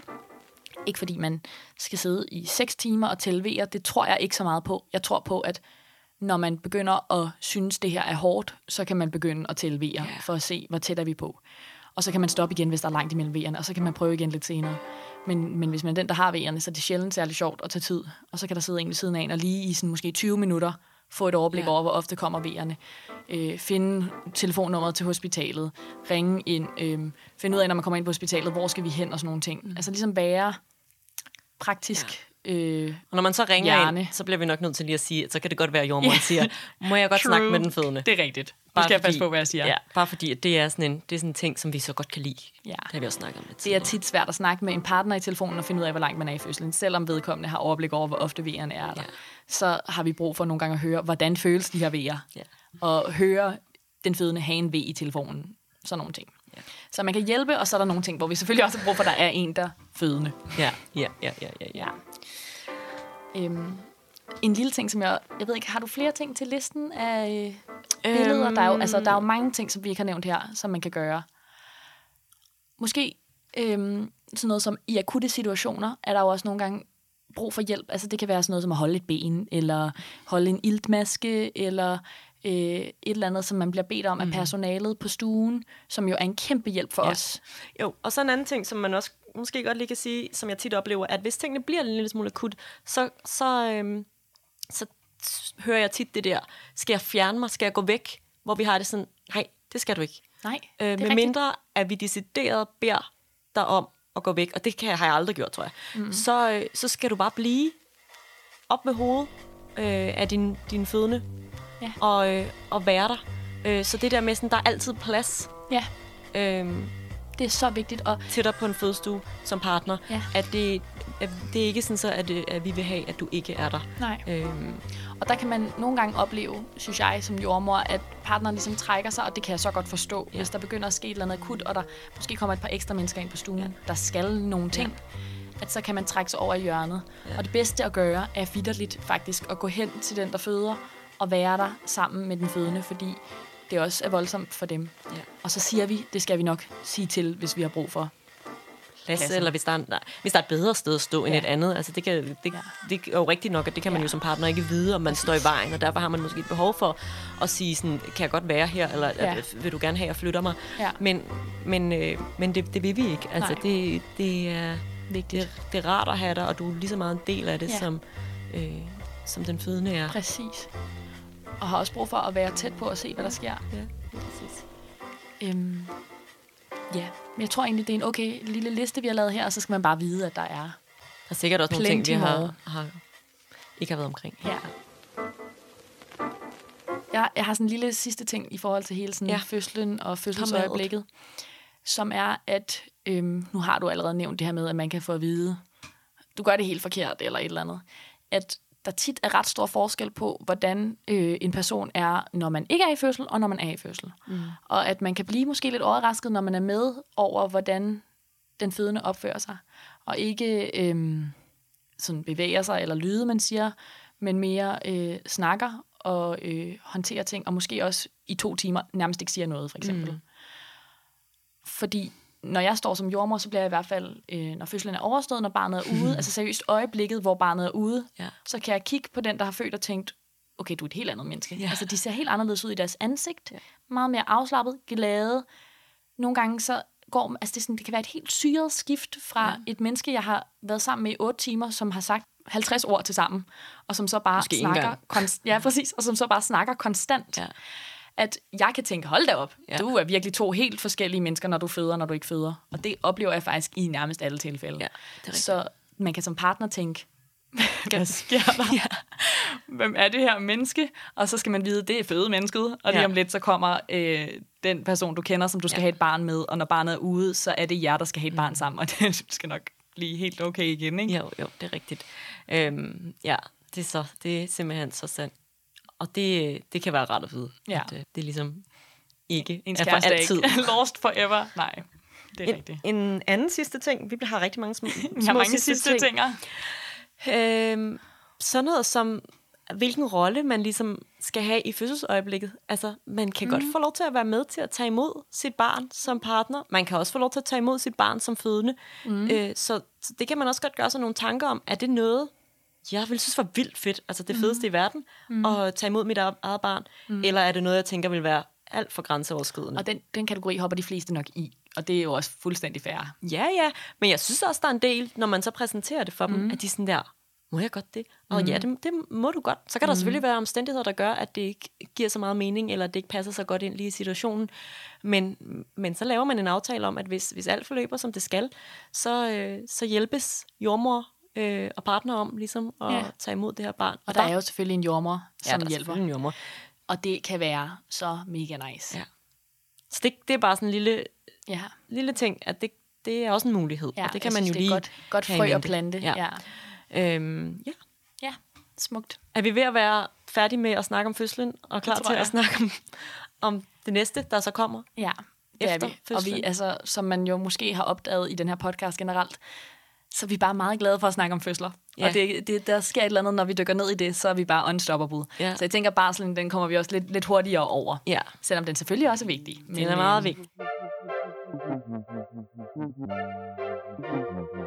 Der er i hvert fald nogle, sådan nogle pointer, vi godt lige kunne tænke os at, at vende omkring det, der jo så kommer efter en fødsel, som er mm. barselsperioden, yes. hvor vi igen er ude i, at der også er en ret stor forskel på øh, at være det menneske, som formentlig, potentielt i hvert fald, skal amme et mm. barn, og så være den, der står på sidelinjen. Ja. Og den sidelinje er jo en meget aktiv sidelinje, fordi vi ved, at den vigtigste faktor for, om en amning fungerer, det er, at man har en partner, der hjælper en. Ja. Og det er jo fordi, der, det ikke er en, som man måske ved, hvis man har hørt vores episode om amning, at det kan være en kæmpe, kæmpe udfordring at få et ammeforløb til at fungere. Så hvis der er en, der både bare hjælper en, altså støtter en, opmuntrer, mm-hmm. men også en, der sådan hjælper en med at sidde i en god stilling, finde en pude frem, øh, få noget, hente noget drik til en, når man endelig har fået barnet til at tage fat, så øh, er det bare 100 milliarder trillioner gange nemmere. Ja, og det, øh, det er derfor, at, at partneren er et vildt vigtigt element i barselsperioden. Mm. Men der vil nok også være den der følelse af, kunne jeg forestille mig, øh, at man har været, der har ligget et barn i en mave, man mm. har ikke ligesom f- fået så meget lov til at være en del af det, andet når man kunne mærke uden på maven en gang imellem nogle mm. spark, og sådan. Så er der en fødselssituation, hvor man også er lidt på sidelinjen og mm. leger hæppekor, og så tænker man, nu er barnet ude, mm. nu kan jeg endelig få lov til at være en større del Ja. af det her. Og så skal det der barn Gud hjælpe med ligge og arme Hele tiden. hele tiden. Og bliver jo også på den måde rigtig meget vant til den amnes sådan, lugt og følelsen, og Ja. det er også det, den hjertelyd, den ligesom har været vant til Ja. inde i maven. Så igen kan man måske føle sig lidt som et tredje hjul, eller en Ja. lille smule uden for denne her barselsboble. Øh, plus at man jo altså, ikke har, så har man måske to uger barsel, mm. øh, hvor man er der, men, men så går man tilbage på arbejde, så, så man Det tror jeg er så fucking hårdt, altså. er jo ikke på samme. Nej. måde en del af den her første tid, ja. øh, som, som Ja. den, der har født, og den, der ammer. Det Ja. er rigtigt. Nogle ting, som man kan indskyde, og, og det du siger der, det er jo bare faktuelt. Altså sådan er det jo bare. Men der er jo så også noget i, at når barnet er født, så er det jo et fysisk menneske, der er separeret, eller hvad man siger. Mm. Så man kan, altså det der øjeblik, hvor man kan stå og holde sit barn, hvor det er nu er det mig, Ja. eller man kan sidde med barnet alene. Ja. Det er jo helt, altså der er jo alligevel, får man det der gode forældre-moment. det er klart. ikke? Og man kan også sige, børnene kender tit den, der ammers øh, lugt, fordi det lugter af mælk. Og der kan det faktisk være rigtig nice, at der også eksisterer en forælder, som ikke lugter af mælk, ja. Ja. fordi at det kan være lidt nemmere at falde i søvn, når man ikke helt tiden bliver fristet af denne lækre duft af Ja. the good stuffing. Så der er nogle ting, som er en hjælpende funktion i ikke at være det ammende menneske. Og så er der jo også sådan, øh, det er sådan måske normen, at man tager tilbage på arbejde, men der vil jo også være folk, som øh, af den ene eller den anden årsag er hjemme mm. i store dele af barselsperioden. Mm. Og, og der kan man også altså, komme til at være tæt på en, en lige del af det her. Altså, Ja. Så man kan jo re- reelt komme til et sted, hvor at man øh, som partner kan lægge barnet til brystet, Ja, måske særligt om natten, når Ja. ja. den, der skal amme, ligger og sover, og barnet vågner, at mm. man i virkeligheden godt kan være, være den, der propper brystet ind i munden Ja. ja. og lægger barnet til, så den, den ammende ikke behøver at bruge særlig meget energi på Ja. ja. det. Altså, så man kan også lidt selv være med til at definere, hvor stor Ja. en del man har lyst til at være af præcis. det her. Og det er jo det, man kan Øhm. være en stor del af amningen, og så er der jo alt det andet, som er at skifte og, og trøste og holde et barn, der sover og sådan nogle ting, som man jo 110 procent ja. Kan.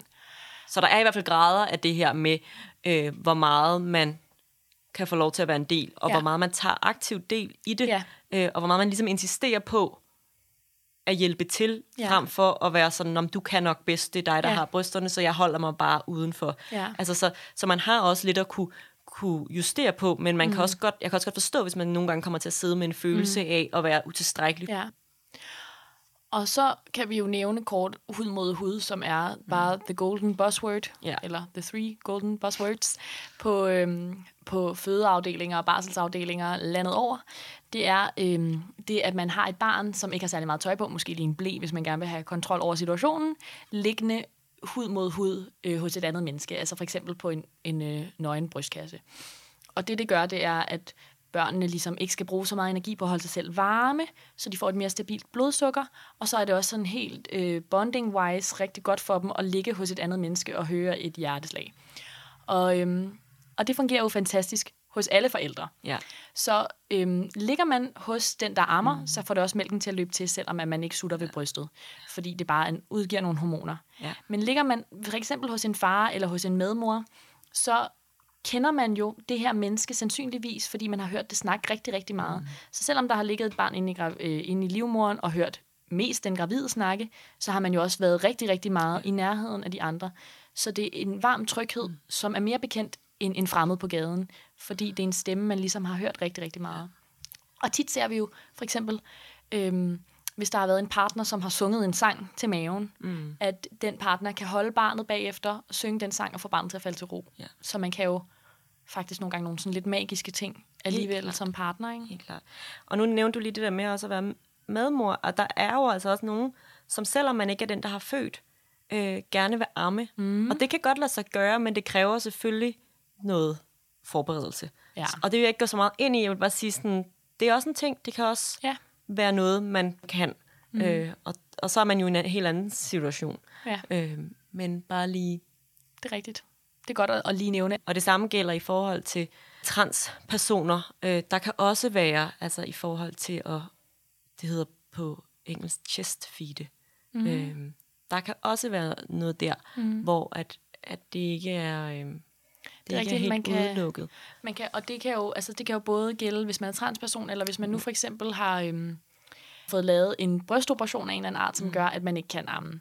Så kan man jo gøre et eller andet for sådan at skabe den samme situation, ja. som kan være noget med at tage en øh, lille sådan sondeagtig ja. slange og ligge ved brystvorten, sådan, så der kommer mælk ud, og så kan man tilkoble en pumpe, sådan, så at man har et barn, der ligger ved ens bryst, mm. får varme, får den der suttefornemmelse, ja. ligesom en sutteflaske, men får det fra et, en menneskekrop. Ja. Og så laver man ligesom sådan lidt en, en simuleret amning. Mm, lige præcis. Øhm. Og det gør sig jo også gældende i, i uh, homoseksuelle par med, med mandlige forældre, mm. at det er også en mulighed der.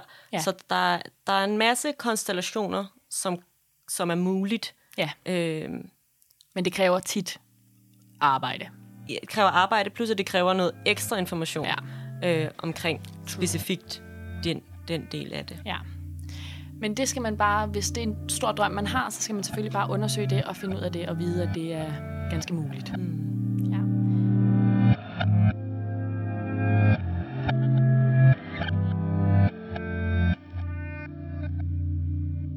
Tænker, noget andet, jeg vil sige øhm, i forhold til den her efterfødselstid, det er, at øhm, der også er en stor, faktisk relativt stor risiko for at få en efterfødselsreaktion som partner, selvom man er ikke den, der har født. Jeg tror tit, det er noget, folk forbinder med at være fødende, så kan du få en efterfødselsdepression. Mm. Men det kan du faktisk også sagtens få, når du har været med til en fødsel, men ikke er den, der har født. Ja. Jeg tror, det er sådan noget 7, 7 procent, er det ja. ikke sådan noget, af, af partnere, som faktisk får en efterfødselsreaktion. Ja. Det er i hvert fald noget, som, ja, som er vigtigt, at man, man lige er opmærksom på. Mm. Og det er sådan noget, som sundhedsflejsken også mm. kan være med til at hjælpe med øh, at screene for ja. og øh, sørge for at få, få hjælp. Så, så det, det er vigtigt, at man mærker efter. Og... og som så meget andet, så gavner det bare at være opmærksom og, og fange det tidligt, sådan mm. så at man kan få noget hjælp hurtigt, ja. og det ikke vokser så stort. Ja. Så lad være med at, at tænke, det kan ikke passe, det er ikke mig, der har født, jeg kan ikke få en efterfølgelsesreaktion. Tænk, jeg har været med til en meget, meget vild ting. Det kan godt være, at jeg har fået en reaktion på det. Ja. Og i forhold til det, at man som partner kan få en efterfødselsreaktion, så tænker jeg også, uden at der er tale om en efterfødselsreaktion nødvendigvis, men bare sådan en helt almindelig tankeproces, mm. at øh, jeg lige vil nævne, at jeg synes tit, når man har efterfødselssamtaler, og det har vi ikke med alle, men, men hvis man ønsker det, så kan man få en samtale efter sin fødsel, enten med den jordmor, man har født med, eller en anden jordmor om oplevelsen synes jeg tit, at der er rigtig mange partnere, som faktisk har oplevet det mere voldsomt, end den, der har født. Ja. Og øhm, når det så er sagt, så har det jo ikke nødvendigvis indflydelse på, hvem der har størst risiko for at få en efterfødselsreaktion, for der kan også være alt muligt andet, der spiller ind der. Men det er i hvert fald øhm, værd at vide, at den oplevelse, man har af situationen, tit er lidt mere klar, fordi ja. man har stået ved siden af, man har kunne holde øje med klokken, man har... Øh, man har set det hele. Ja, man har ja. set det hele. Hvor at, øh, er man den, der føder, så har man nogle gange er man bare lidt over det færdigt, og man kan sgu ikke rigtig sådan sætte tid på, eller huske kronologisk, hvad var det, der skete. Det er mere sådan mm. et stort blur, og det kan nogle gange være en gave i virkeligheden mm. bagefter. Ikke? Ja. Så, øhm, så det er faktisk nogle gange ja. mere crazy på nogle punkter, ja. at være den, der har været med. Ja, ja det er sandt. I hele det her efterforløb, er det jo også der, man som par eller som familie ligesom skal finde hinanden igen. Mm. Øh, og der er kommet, især hvis det første barn, er der jo kommet en helt ny dimension i det. Mm. Man er mhm. ligesom gået fra at være kærester og være i et parforhold, til at være en familie med mm. et barn. Øh, og det kan være vildt svær omvæltning. Så det er jo også et sted, hvor man skal være opmærksom på hinanden, og skal, skal ligesom finde hinanden igen på et tidspunkt. Og der vil komme til at være en periode, hvor at det er øh, barnet, der er centrum for det hele, og det kommer måske altid til at være barnet, der er centrum, men, men der kommer også en tid, hvor man ligesom skal finde ud af, hvordan skal vi så være sammen nu, ja. her i perioden efter. Og det tror jeg er noget, man skal tage meget seriøst. Mm. Finde ud af, hvad, hvad man ligesom kan gøre for at komme tilbage til hinanden. Um, og så tror jeg også, man skal vide, man plejer at sige sådan, man må ikke gå fra hinanden, man må ikke blive skilt i de første to år. Mm. Fordi det er sådan lidt en undladelsestilstand, man er ja. i. Uh, så, så det der med at vide, det bliver svært, men, men det er noget, som er vigtigt, at man prioriterer. Ja. Og det er ikke for evigt. Det vil det være på evigt. den her måde. Der ja. er noget i det der med øh, ikke at få sammenhængende søvn, mm. som jo er noget, man bruger som torturmetoder ja. øh, i virkeligheden, som bare gør, at man ikke er helt sig selv, ja. og at man måske har en kortere lunde, og alle sådan nogle ting, så man hurtigere kommer til at blive lidt træt af hinanden. Mm. Øh, og der skal man prøve at gøre sit ypperste for at være overbærende og forstående mm. og få talt sammen. Ja, og øh, måske også se, at vi faktisk i samme båd på nogle punkter, ja. så vi måske vi er dem, der bedst forstår hinanden. Og lave sådan en regel om, at det, der bliver sagt mellem midnat og klokken 6 om morgenen, bare ikke gælder. Ja. Fordi at det, det er sagt i The dark afmagt. hours. Og, øh, og simpelthen jo ikke noget, man mener. Ja, Nå. det er rigtigt. Solen så står op, og Det er rigtigt. dagen begynder igen. Ja. Ja.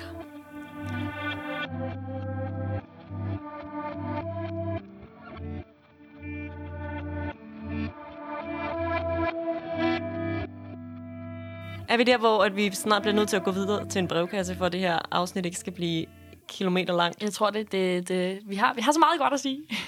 Men øh, det er rigtigt. Det må vi hellere. Okay. Vi har fået en besked på Instagram af en lytter, som spørger os, hvordan jordmødre har det med dulager på fødestuen, og hvad vores forhold til og opfattelse af dulager er. Mm-hmm. Og det tænker jeg, vi skal svare på i dag. Ja. Øh, først og fremmest, så kan jeg godt tænke mig lige at sådan sige, at øh, vi kan jo på ingen måde snakke for hele jordmorfaget. Vi har Nej. selvfølgelig lidt insider til, hvordan den generelle holdning er, men, men der vil jo være lige så mange holdninger, som der er jordmøder garanteret. Jeg tror, det er meget personligt. Ja, faktisk. det tror jeg også. Øh, så vi tror basically, vi måske mest tager udgangspunkt i, hvordan vi selv har det, og så måske ja. Ja. lige nævner kort, hvad vi ellers ved, der er, er sådan, kan være holdninger til det. Ja. Øhm, Skal vi starte med at lige nævne, hvad en doula er, Det jeg til dem, som rigtig god ikke lige ved det? Øhm, jeg tænker vel, det er en fødselshjælper, som er uddannet fødselshjælper. Mm. Og jeg ved faktisk ikke præcis, hvordan uddannelsen foregår, men jeg tænker, det er meget sådan kursusbaseret ja. i virkeligheden. Det tror jeg, du har ret i. Jeg ved heller ikke den præcise uddannelse. Øh, der er nogle forskellige uddannelser her i København, tror jeg. Mm. Øh, altså, der er nogle uddannelser, men jeg ved ikke, hvor mange der er. Mm. Øhm, og, øhm, og dulager øh, er jo tiltænkt til at skulle være sådan en kontinuerlig fødselshjælper. Det vil sige, at de både forbereder en i graviditeten, mm-hmm. og så følger med ind på fødestuen. Så det er jo Ja. sådan lidt... Der er også noget kendthed indover, som, Ja. som vi fra jordmorfagets side ikke kan tilbyde de fleste steder i landet. Der mm. er øh, det, der hedder kendt jordmorordninger nogle steder i landet, øh, som, som jo tilbyder lidt af det samme, men, men hos os blandt andet øh, lukkede det ned for nogle år siden, Ja. og er ikke nogen, noget, vi længere Præcis. kan tilbyde, desværre. Og det gør jo også, at hvis man har en doula, så er hun der under hele... Nu siger jeg hun, fordi jeg regner med, de fleste doulager er Jeg tror faktisk, men det ved jeg ja, faktisk Det tror jeg faktisk. I Øhm, Danmark i hvert fald. men- Udelukkende de er. den doula, man har med, er der så under hele fødslen. Så det vil sige, hvis der er jordmorskift, hvis man er på hospitalet i lang tid, eller i hjemmet i lang tid i gang med at føde, så vil doulaen ligesom blive der. Man har ligesom købt privat den her pakke Ja. ja. af at få hjælp hele vejen igennem. Ja. Ja. Ja, og det er jo det. Købt er jo også et ord, vi lige skal omkring, fordi det er jo noget, man selvfølgelig betaler sig fra. Ja. Så det er jo ikke, øh, som, som jordmorhjælp er, øh, noget, der ligesom er gratis mm. og tilgængeligt for alle. Så det, det vil jo noget, være noget, der ligesom øh, er tilgængeligt for dem, der også har midlerne til at Ja. betale for det. ja. Og øhm, jeg kan starte med at komme med min personlige mm. holdning til doulager, som er, at øhm, jeg bliver mega glad, hvis jeg møder i vagt, og jeg skal overtage et forløb, hvor der er en doula på stuen. Mm. Det sker simpelthen ikke særlig tit. Altså, det skete for mig et par gange, og øhm, jeg synes, det havde været super nice, fordi det svarer jo til, altså, hvis den fødende har været til rigtig meget fødselsforberedelse, partneren har været til rigtig meget fødselsforberedelse, det der med at komme ind på en stue, hvor at der er øhm, nogle idéer og nogle redskaber allerede. Ja. Det, som jeg tænker kan være lidt problematisk omkring konceptet, det er, at øhm, der er forskel på, hvad en doula kan og hvad en jordmor kan. Fordi vi har taget en uddannelse, hvor vi også har lært rigtig meget patologi, det vil sige mm. rigtig meget om det, der kan gå galt under en fødsel.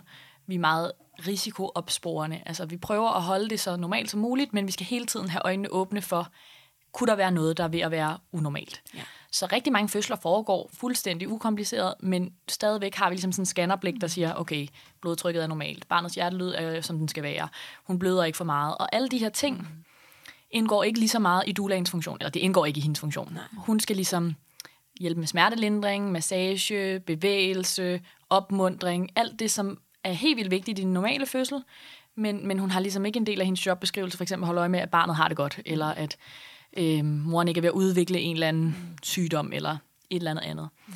Og øhm, det er jo fint, hvis man ved det, når man vælger at købe en doula, men, men man skal jo ligesom blive ved med at huske det, når man for eksempel, det jeg har oplevet, kommer ind på hospitalet, og øh, møder en jordmor, som måske siger noget andet end doulaen. Altså jeg havde i hvert fald en sådan meget specifik situation, hvor jeg havde svært ved at fange barnets hjertelyd, Altså, jeg prøvede at lytte med øhm, doptone først, og så overgik jeg til CTG, som er sådan en hjertelydskurve, man kan sætte på maven, og så kan man lytte til barnets puls. Ja.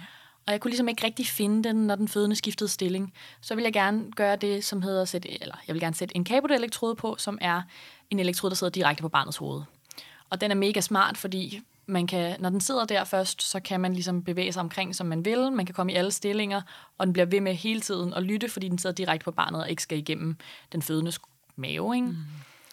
Og øh, de havde snakket om nogle af de her ting inden fødslen, og besluttet, at det synes de ikke var en god idé som sådan par. Det var en, en hvad hedder det, um, en solomor, der havde en doula med. Og øh, der synes jeg, det var lidt problematisk, når jeg ligesom sagde, jeg kan ikke høre, hvordan dit barn har det. Og doulaen så sagde, husk, at vi snakkede om inden fødslen, at du vil ikke have den her elektrode på barnets hoved. Mm. Og der må jeg jo så sige, jeg kan overhovedet ikke høre, hvordan dit barn har det. Jeg er bekymret, jeg vil gerne have elektroden på. Og der blev jeg lidt i tvivl om sådan, om det ville have været anderledes, hvis ikke der havde stået en doula, fordi mm. at, det er ikke fordi, det er dårligt, at man husker de ting, som man har drømt om inden ens fødsel, eller de planer, man har, men nogle gange så ved man ikke, hvordan det bliver. Og hvis der opstår en situation, hvor vi har brug for at vide, hvordan barnet har det, så, øhm, så er det ikke nødvendigvis hensigtsmæssigt at holde fast i sådan nogle forudindtaget, præcise planer, man har lagt inden fødslen, så kan det godt være, at man skal skifte spor. Ja. Og der tænker jeg i hvert fald, det var vigtigt, så at den fødende ved, at Dulaen er her for at hjælpe hende igennem fødslen, men det er mig, der ligesom skal holde øje med, at hendes barn har det godt, og hun har det godt. Så hvis jeg siger, at jeg er bekymret, så er det min rolle i det samarbejde. Ja. Og det endte også med, altså, det var, ikke, det var ikke, fordi jeg lavede et overgreb på hende og satte elektroden på, uden at hun ville have det. Jeg sagde, det kan jeg godt forstå. Mm. Det vil være dejligt at føde uden den her elektrode. Vi er i en situation lige nu, hvor jeg ikke ja. kan, er, er tryg, og så tykkede hun på det, de snakkede lidt frem og tilbage, og så endte det med, at vi satte en elektrode på, mm. og alt var fint. Men det var alligevel stadig sådan, hvor jeg tænkte, det er i hvert fald vigtigt, at man ved, hvem, hvem gør hvad i den, det her samarbejde. Ja, så kan man sige, at det er måske sådan en situation, hvor at der kan opstå sådan noget, det, det kan være svært at være den fødende i den her situation, fordi der står to mennesker med noget, nogle kompetencer, mm-hmm. som man stoler på, som er uenige, og så bliver man jo sådan, hvad, hvem, hvem skal jeg ja. tro på? Øhm, og det er, jo, det er jo ikke det, der er hensigten, Nej. fordi alle er der jo med det fælles mål, at den fødende skal få den bedste øh, fødselsoplevelse med det bedste outcome. Præcis. Øhm, og og det, det kan jeg sagtens, jeg kan sagtens sætte ja. i den pointe. Men når det så er sagt, så var i det forløb for eksempel, mm. der var det jo måske 10 minutter i kvarter, hvor vi lige havde den her ja vil ikke kalde det en kontrovers, fordi så var det heller ikke værre, men sådan lidt snak frem og tilbage. Yeah. Og resten af tiden, jeg var der inde i 12 timer, mm. og det var mega fedt. Yeah. Altså sådan, det var så fedt, at de kendte hinanden, og at hun kunne lindre, og fordi det jo så var en fødsel, som tog noget tid, så havde Dulaen jo også brug for, at jeg var mm. den, der masserede og skiftede stilling. Så vi, sådan, vi hjalp hinanden rigtig meget, og jeg havde mulighed for ja. for eksempel at lave alt det, som jo følger med i at være jordmor og skrive journal, og mm. øhm, hente medicin, hvis man skal det, og øh, gå ud og finde noget mad til dem, ja. og sådan alle mulige sådan, praktiske opgaver, mens der hele tiden var en støtte. Og det var ja. mega fedt. Ja.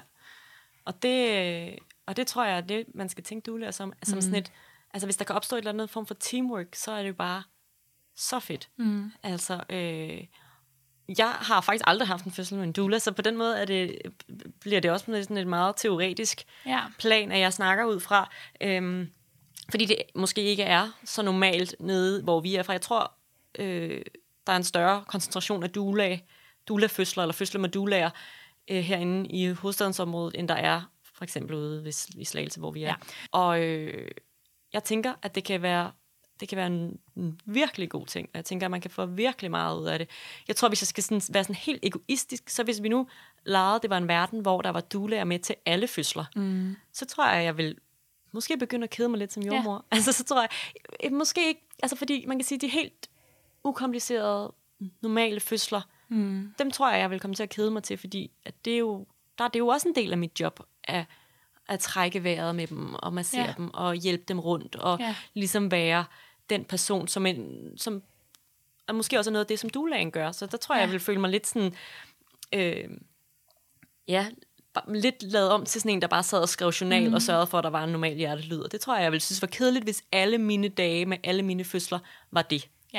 Ja, jeg tænker også, i mit hoved forestiller jeg mig, at dulaen lidt udspringer fra øhm, nogle andre sundhedsvæsener end det danske. For eksempel, hvis vi nu tager udgangspunkt i det amerikanske, hvor at fødslen er meget mere medicaliseret. Du kommer ind, du får måske en epiduralblokade, du, øh, altså, der er en læge indover, måske nogle sygeplejersker, men der er ikke, altså, jordmødre er ikke udbredt på samme måde. Nej. Og har måske også i virkeligheden en anden funktion nogle gange.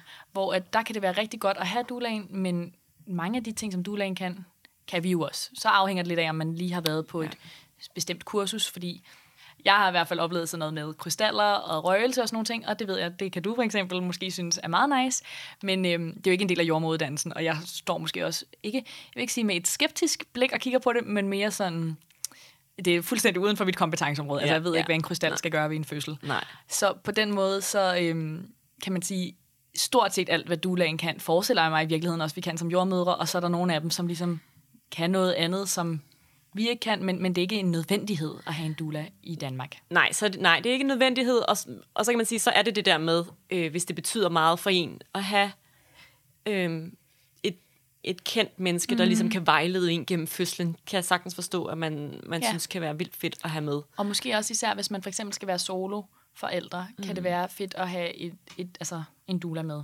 Jo, men også bare det der med, at man har en i løbet af graviditeten, som ligesom forbereder. En på fødslen, og som, altså det er jo sådan lidt også privat fødselsforberedelse, øh, Ja. og øhm, det med, at man netop så også har et kendt ansigt inde ja. på fødegangen. Men, mm. men det, som man så skal undgå, det er netop, at det bliver sådan en, og det håber jeg ikke, uden at jeg ved det, men jeg håber ikke, at man som doula ligesom prøver at forberede parret på øh, at skulle kæmpe en kamp for at få den fødsel, de gerne vil have Nej. inde på hospitalet. Fordi altså, vi er jo enormt lydhør over for, Ja.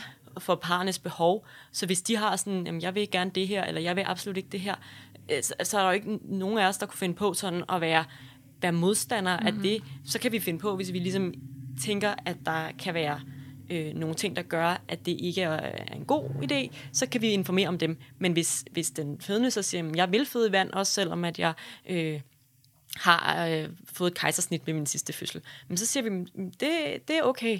Du skal bare vide, at det er mod vores anbefalinger. Ja. Og det er ikke for at være, være strenge, men det, eller onde eller øh, modarbejdende. Det er jo bare fordi, at der er en øget risici, og dem skal man være bevidste om, mm. så man ikke handler i sådan blind mm. øh, tro på et eller andet. Og, og det, ja, det tror jeg, at det, jeg håber, at man som, øh, som dulager, øh, og jeg håber også, at man som jordmøder ligesom gør sit for det fælles bedste. Ja, og det tror jeg, at det du tager fat i der, er noget af det, som gør, at vi nok også godt kan sige, at der er nogle jordmødre, som ikke elsker dulager overalt på jorden.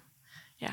Og jeg tror ikke, der er nogen, som sådan bliver sure over, at de skal være der, eller vrede, men som bare godt kan være sådan lidt irriteret over, at de kan føle, at den der...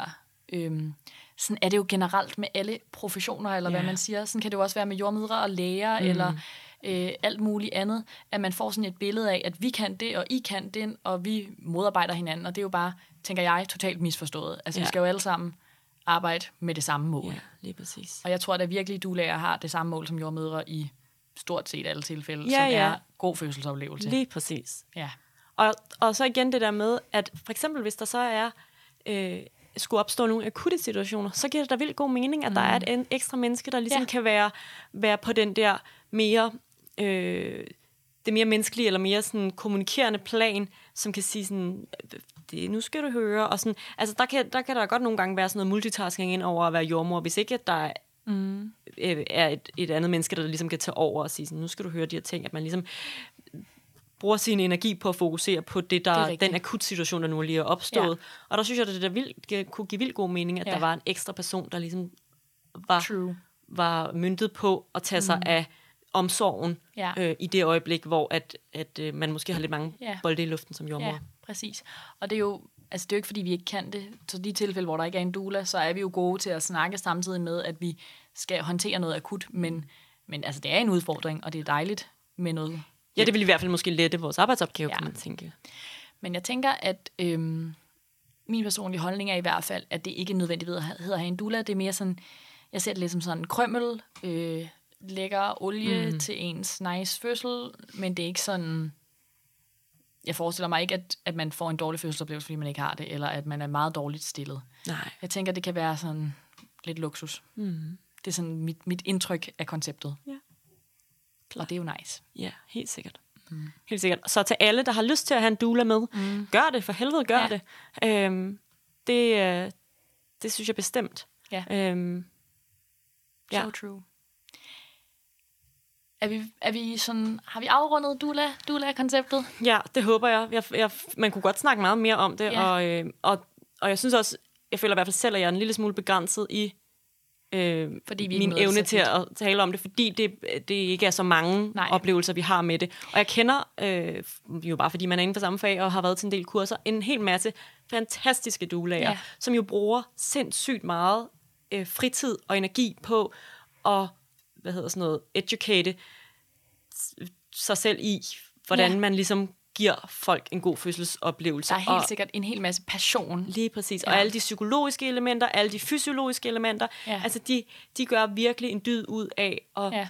at finde ud af, hvordan de bedst muligt kan hjælpe til en fødsel. Præcis. og og det, det synes jeg er fantastisk, så jeg synes, at konceptet er helt fantastisk. Ja. Øhm, Og jeg tænker i virkeligheden, hvis man vil have... Altså måske er det ikke så vigtigt, hvad jordmøders holdninger er til dulager, altså som de her spørgsmål er. Måske skal man bare mærke efter med sig selv, Ja. og så spørge, nogen, altså spørge en dula, hvis det er, hvad kan du tilbyde mig at Ja. høre det? Fordi det de er jo meget bedre til at svare på, end Det er de i virkeligheden, det er helt Ja. rigtigt. Og så vide, at vi gør vores aller ypperste for at, øh, for samarbejde Ja. ja. med de dulærer, vi så kommer i Præcis. nærheden af. Og øh, at der selvfølgelig skal være plads til, ligesom der skal være plads til svigermor og Ja. øh, mor og øh, alle mulige andre mennesker, så er der selvfølgelig også plads på en fødestue Lige til en dula. Så ja. hvis man har ligesom har lyst til at prioritere nogle penge på det, så synes jeg så meget, man skal gøre det. True. Jeg synes, det er smukt. Smukt afrundet. Mm. Jeg tænker, en sidste ting, vi lige kan sige, inden vi slukker mikrofonerne, det er øh, igen at opfordre alle til at finde os på Instagram og Facebook, hvis man har lyst. Og skrive til os. Ja, yeah. Især brug det til, at man kan komme i kontakt med os, yes. Hvis der er et eller andet, vi gerne skulle tage op. Øhm, vi må også indrømme, at selvom man får en besked, så er det ikke nødvendigvis, at vi laver en hel episode om det, man spørger til, men vi prøver enten at svare jer, eller, øh, eller også så skriver vi det bag øret, og tænker, at det skal vi have med på et tidspunkt, fordi vi har jo også brug for at vide, hvad folket vil høre. Ja, og vi har rigtig, fået rigtig mange beskeder faktisk Ja. ja. også fra forskellige øh, mennesker, som har forskellige ting, de godt kunne tænke sig, at vi tog op, og øh, de bliver alle sammen skrevet bag øret, og Ja. det bliver alle sammen øh, noget, vi sådan overvejer, hvordan vi kan integrere Ja. i podcasten. Øh, så måske ikke lige i næste episode, men så På et på et tidspunkt. tidspunkt Præcis. i fremtiden. Vi har jo ikke så meget struktur i præcis, hvornår vi udgiver, og øh, i hvilken rækkefølge. Vi tager ligesom det op, vi synes er spændende Ja. lige nu. Så på den måde er der ligesom ikke nogen garantier, men væb jer med tålmodighed, så skal det nok komme, fordi vi synes jo, der er uendelig mange spændende ting Ja, at snakke om. Helt klart. Ja, Så bestemt. Du skal snart videre på arbejde. ja jeg skal Faktisk. simpelthen skynde mig hjem og hente mine ting, og så er jeg på vej til Til arbejdsweekend. Slagelse. Ja. Og det er jo, hvad man virkelig kan kalde en arbejdsweekend, som er aftenvagt i dag, fredag, og to 12 timers dagvagter. Så øhm, jeg skal pakke nattøj og meget mad og rigtig, rigtig, rigtig mange snacks. Ja. Og jeg har til gengæld arbejdet en hel masse, siden jeg kom hjem fra Australien, men har nu faktisk næsten en hel uges fri. Og igen. fødselsdag i morgen. Og fødselsdag i morgen. Okay, nice. Ja. Yay. Det er skønt. Mm. Det må du nyde. Ja, tak. Jeg er lidt træt af, at du ikke er der, men Ja. ja. det er så det. Working der. life. Work and laugh. Ja. Mm. Vi må fejre det igen. Vi holder en fødselsdag mere. Ja, yeah. drikker en masse bobler. Mm-hmm. Importante. Alright. Jamen, god weekend øh, til mig, og god arbejdsweekend til dig. Yes. Du lytter til Fødselskanalen. Det er sgu da fedt, med.